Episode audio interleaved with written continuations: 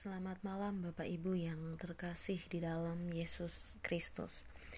Hari ini kita belajar dari salah satu kebenaran firman Tuhan dalam tema untuk KKR pembukaan semester yaitu dampak pandemi COVID-19 bagi pelayanan dan pendidikan Kristen.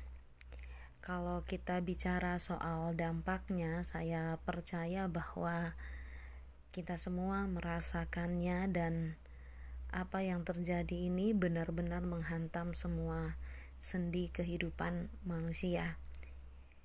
Dari anak-anak yang belajar harus secara online. Bahkan sebagai mahasiswa Anda pun mengalaminya beberapa kali hanya mengikuti kelas secara online. Anak saya yang masih SD sampai sekarang bahkan harus belajar online dari rumah dan bulan Maret nanti tepat satu tahun tidak pergi ke sekolah dan hanya terus belajar dari rumah. Saya yang mendampinginya pun mengalami bahwa ini bukan hal yang mudah untuk dilewati. Saya percaya guru-gurunya pun mengalami kesulitan sendiri. Belum lagi kita lihat kalau secara ekonomi ada banyak usaha hari ini tidak bisa berjalan maksimal.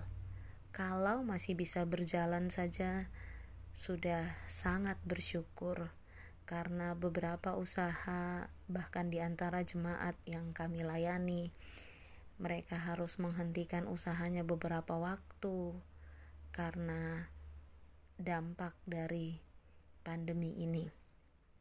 Belum lagi secara sosial sekarang kita harus saling menjaga jarak satu dengan yang lain supaya tidak menularkan atau tertular virus ini. Dalam bidang keagamaan, ibadah pernah tidak boleh diadakan sementara. Kalaupun sekarang sudah bisa diadakan, tetap harus dengan protokol kesehatan yang ketat juga dengan aturan hanya boleh 50% dari kapasitas tempat ibadah.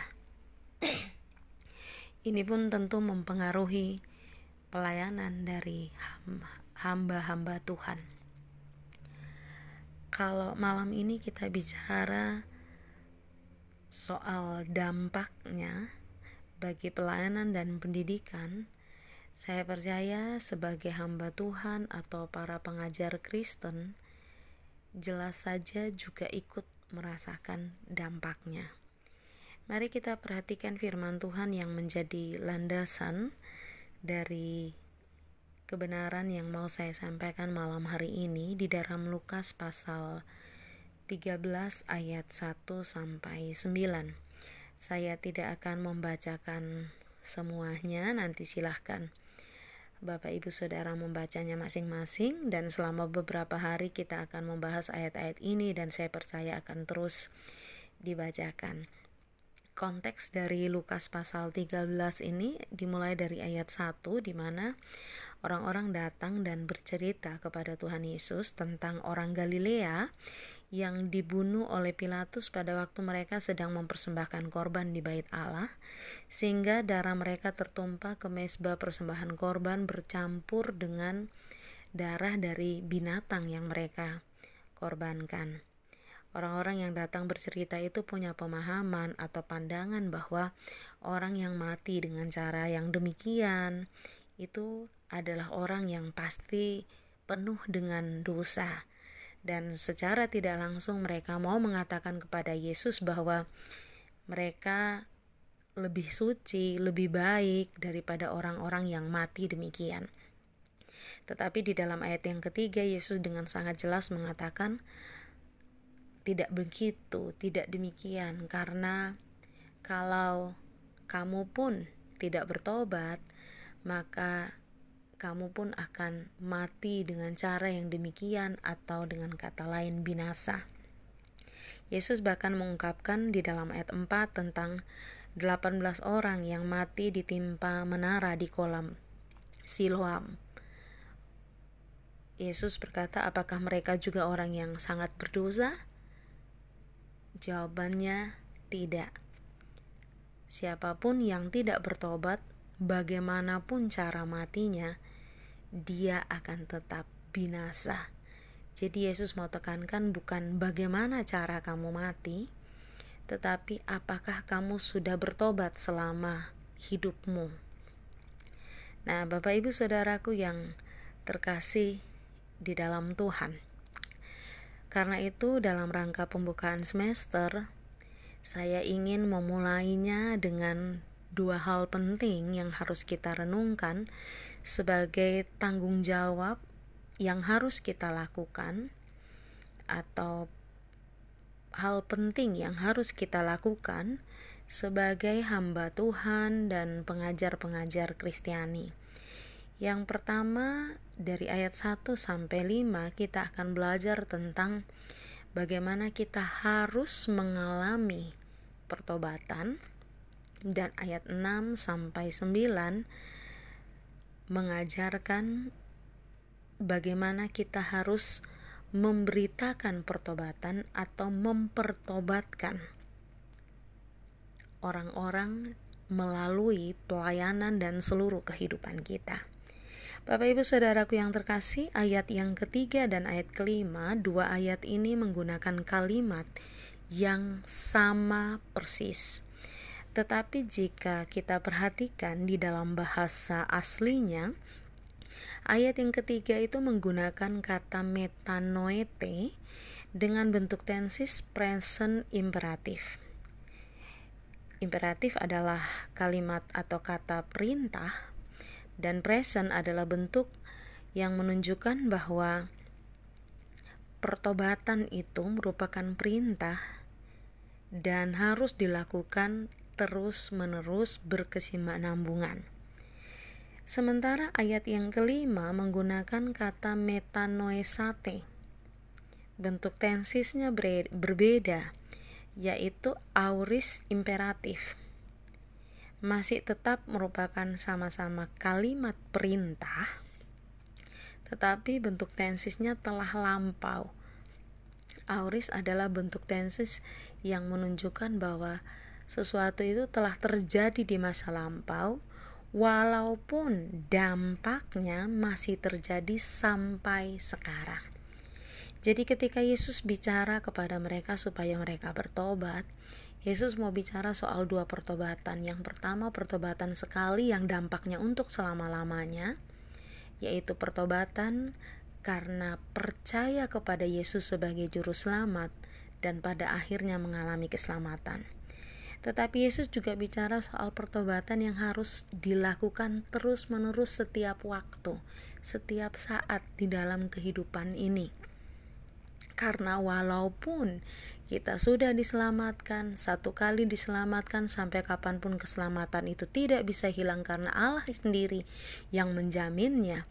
Tetapi bukankah hidup kita masih bisa terus jatuh di dalam dosa? Itulah sebabnya pertobatan terus-menerus perlu juga terjadi di dalam hidup kita setiap hari.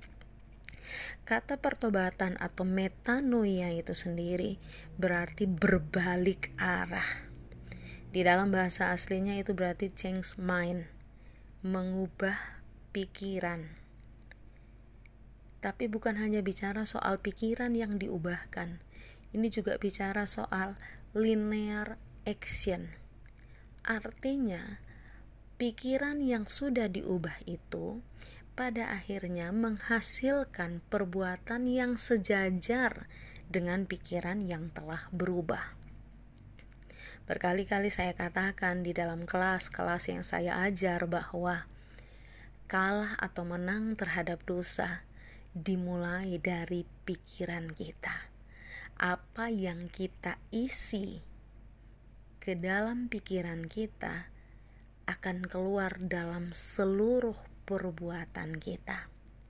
Kalau yang kita isi dalam pikiran kita drama Korea, maka hasilnya adalah kita akan menjadi orang yang baper melulu.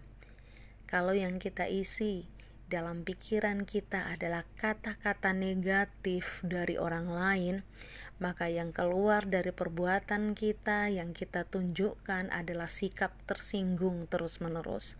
Kalau yang kita isi dalam pikiran kita adalah hal-hal buruk yang terjadi di masa lampau dalam hidup kita, maka yang keluar dalam perbuatan kita adalah bagaimana kita juga menyakiti orang lain karena kita sendiri selalu merasa tersakiti. Itulah sebabnya pikiran kita harus diubah. Kalau kita banyak memikirkan kesenangan-kesenangan duniawi, yang keluar dari perbuatan kita adalah perbuatan-perbuatan daging yang hanya menyenangkan daging, tapi berdosa di hadapan Tuhan. Tuhan mau kita isi pikiran kita dengan firman. Karena hanya firman yang bisa menyatakan kebenaran, kata 2 Timotius pasal 3 ayat 16. Hanya firman yang bisa menyatakan kesalahan. Hanya firman yang bisa memperbaiki kelakuan dan hanya firman yang bisa menuntun orang kepada kebenaran. Kalau kita tidak mau memikirkan pengalaman-pengalaman buruk, tidak mau memikirkan kata-kata negatif, tidak mau memikirkan hal-hal kedagingan dari dunia ini, maka pikiran kita tidak boleh dibiarkan kosong. Harus diganti kalau dulunya kita suka berpikir tentang hal-hal yang buruk, setiap kali serangan untuk berpikir tentang hal yang buruk itu datang, kita ganti dengan apa yang firman Tuhan katakan. Setiap kali serangan untuk membalas dendam, membenci itu datang, kita ganti pikiran kita dengan berpikir apa yang firman Tuhan ajarkan untuk saya lakukan kepada musuh saya Bagaimana Yesus ketika berhadapan dengan orang-orang yang menyakiti, bahkan mengkhianati, bahkan akhirnya menyalibkan Dia? Apa pun yang masuk di dalam pikiran kita, jika itu membuat kita kehilangan damai sejahtera, berarti kita harus ganti dengan firman. Karena Alkitab bilang kalau kita perhatikan firman, maka damai sejahtera kita itu kata Yesaya akan seperti sungai yang terus mengalir. Damai sejahtera kita akan berlimpah. Jadi kalau memikirkan apa pun yang tidak mendatangkan sedamai sejahtera, apalagi jika itu mendatangkan dosa, maka kita tidak boleh terus memikirkannya. Kita harus stop pikiran kita di situ tapi jangan dibiarkan kosong, diganti dengan firman. Diganti dengan firman. Itulah sebabnya bergaul dengan firman itu harus kita lakukan. Sampai pada semester berapapun Anda saat ini, bertobatlah. Bagi yang mungkin masih tingkat satu, yang baru masuk, belum tahu apa itu arti pertobatan sejati atau belum mengalami pertobatan sejati berjumpa dengan Yesus sebagai juru selamat. Datanglah kepada dosenmu, datanglah kepada saya untuk dituntun supaya Anda mengalami pertobatan yang sekali untuk selamanya karena pertobatan itu yang membawa pada keselamatan. Bagi Anda semester berikut-berikutnya, mungkin Anda sudah menerima Yesus sebagai Tuhan dan Juru Selamat, tapi Anda masih terus jatuh di dalam dosa, terus gagal melakukan firman maka Anda harus bertobat. Bertobat dengan cara apa? Mengisi pikiran Anda dengan firman. Sebagai seorang dosen, saya juga harus terus mengisi pikiran saya dengan firman. Sebagai seorang hamba Tuhan, saya mau terus bergaul dengan firman, karena itulah yang bisa membuat saya hidup benar di hadapan Tuhan. Bapak, ibu, saudaraku yang terkasih di dalam Yesus Kristus, biarlah malam hari ini pada poin yang pertama ini, kita sama-sama bertobat. Kalau Anda belum pernah bertobat untuk menerima Yesus, doa saya Roh Kudus bekerja di hati Anda saat ini dan membuat Anda berjumpa dengan Yesus Sang Juru Selamat itu. Bagi Anda yang sudah berjumpa dengan Yesus Juru Selamat tapi masih terus berkumul dengan dosa, doa saya Roh Kudus bekerja sehingga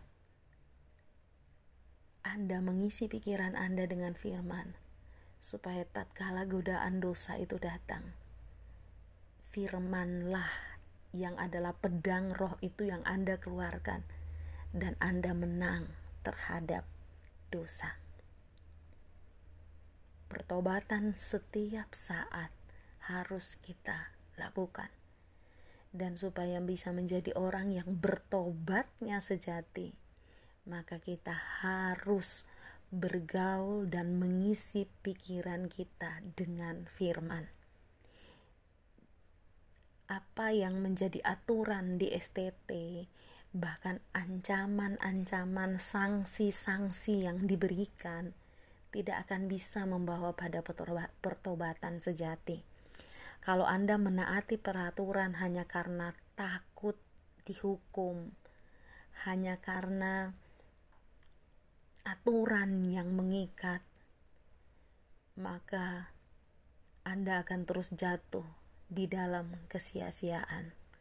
Karena dosen pun bahkan tidak bisa mengawasi Anda 24 jam ada banyak celah di mana kita bisa jatuh di dalam dosa. Karena itu bergaulah dengan firman, karena hanya firmanlah yang bisa mengendalikan perasaan dan perbuatan kita. Kalau kita bergaul dengan firman, kita pasti akan menunjukkan pertobatan setiap saat. Pertobatan kita itu sejati. Kenapa kita harus bertobat dan berga melalui pergaulan dengan firman? Karena tanggung jawab kita yang berikutnya adalah mempertobatkan. Orang yang sudah mengalami pertobatan, yang punya kuasa untuk menyampaikan berita pertobatan. Orang yang sudah berjumpa dengan Yesus dan mengalami keselamatan dari Yesus, yang punya kuasa untuk memberitakan tentang Yesus, memberitakan tentang Injil. Kalau kita tidak bertobat, pikiran kita tidak diisi dengan firman, saya jamin perbuatan kita pun pasti bukan buah dari pertobatan. Kalau kita taat, itu hanya legalisme seperti orang Farisi, tapi bisa jadi kita cenderung menjadi tidak taat.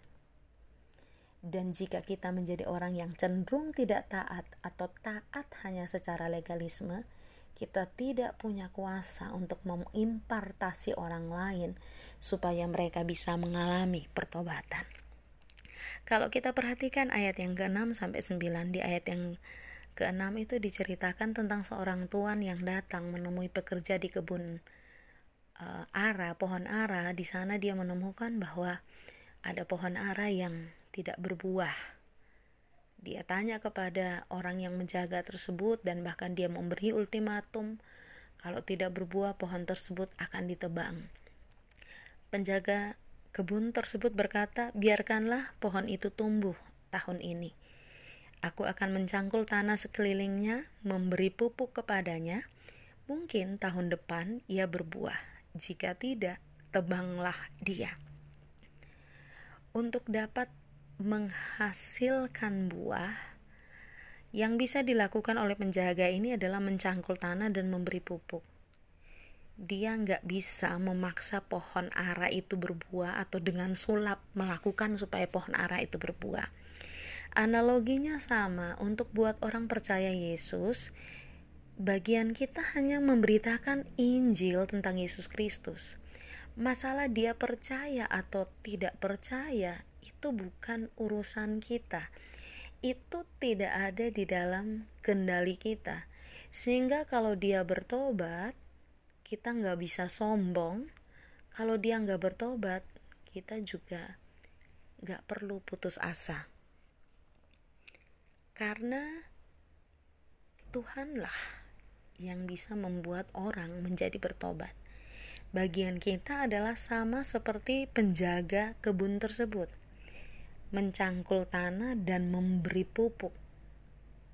Artinya, bagian kita adalah memberitakan firman yang bisa membersihkan kehidupan orang lain, memberitakan firman yang bisa seperti pupuk yang menyegarkan hidup orang lain, memberitakan Injil yang bisa membuat orang berjumpa dengan Yesus dan firman-Nya dan pada akhirnya diselamatkan. Itu bagian yang harus kita lakukan dengan maksimal. Hasilnya berbuah atau tidak, bertobat atau tidak bertobat, itu ada di dalam kendali Tuhan. Bapak Ibu Saudaraku yang terkasih di dalam Tuhan, dunia akan terus berputar, pandemi ini tidak tahu kapan akan selesai, tapi mungkin akan terus menghantam setiap sendi kehidupan kita dan menyebabkan lebih banyak masalah terjadi. Sebagai hamba Tuhan, sebagai pengajar, sebagai pendidik, tantangannya pasti akan semakin berat dan besar.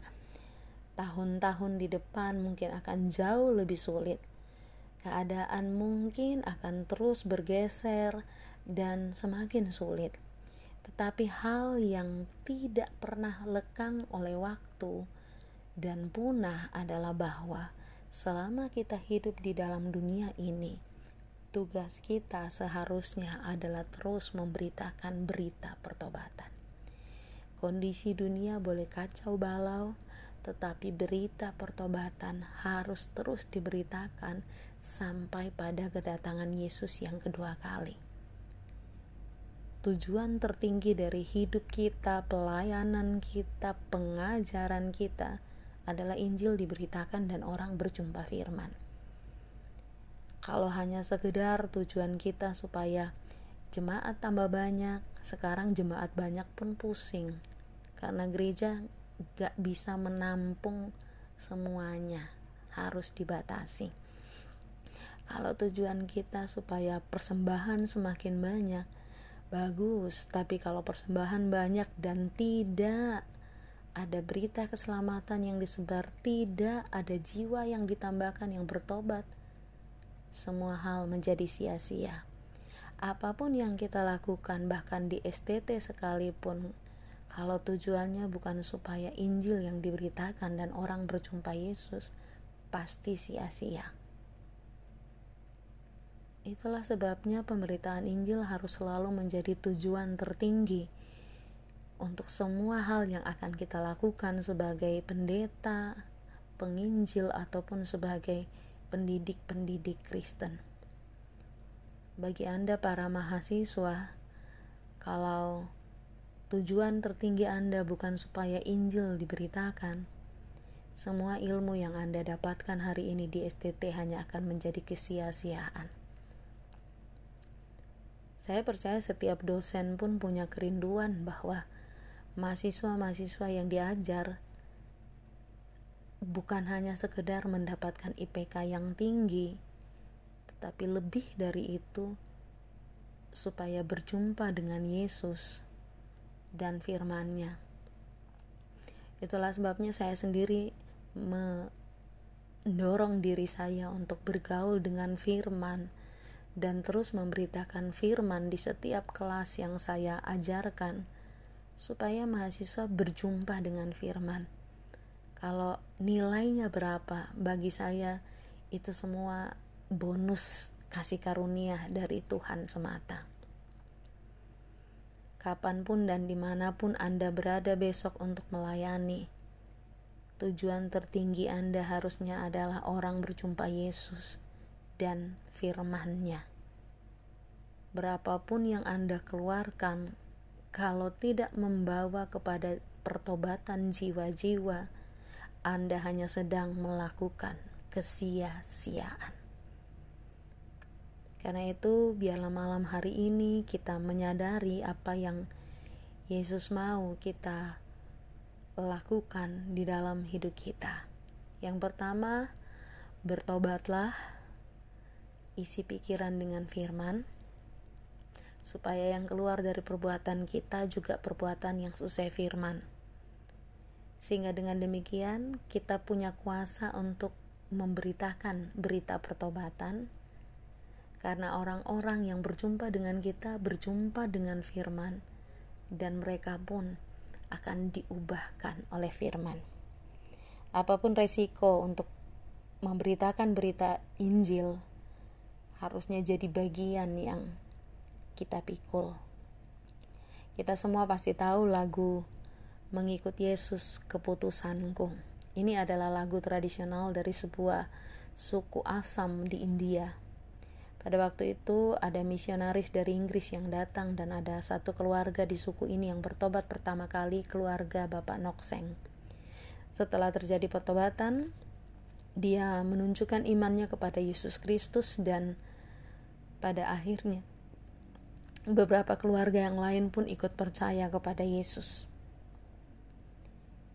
Kepala suku tidak suka dengan apa yang dia lakukan dan karena itu dia mendapatkan ancaman kalau dia masih tetap percaya kepada Yesus, tetap memberitakan tentang Yesus, maka anaknya akan dibunuh. Ketika kedua anaknya dibunuh, dia menaikkan sebuah lagu. Mengikut Yesus keputusanku. Mengikut Yesus keputusanku.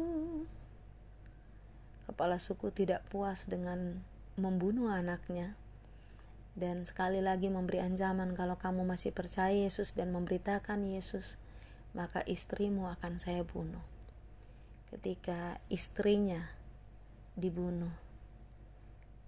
Dia menaikkan pujian dengan lirik, Tetap ku ikut walau sendiri, tetap ku ikut walau sendiri.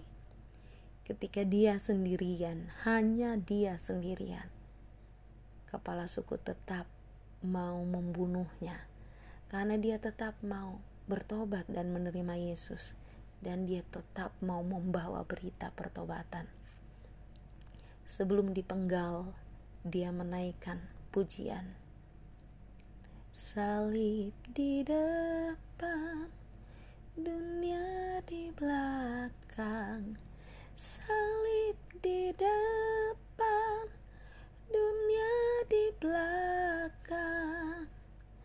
Dan pada akhirnya, akhir dari lagu ini adalah Ku tak ingkar, ku tak ingkar.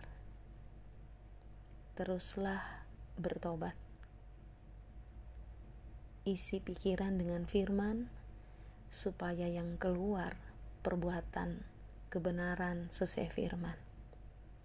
Dengan demikian, kita punya kuasa membawa berita pertobatan. Apa pun resikonya, tetaplah ikut Yesus dan jangan pernah ingkar. Tuhan Yesus memberkati.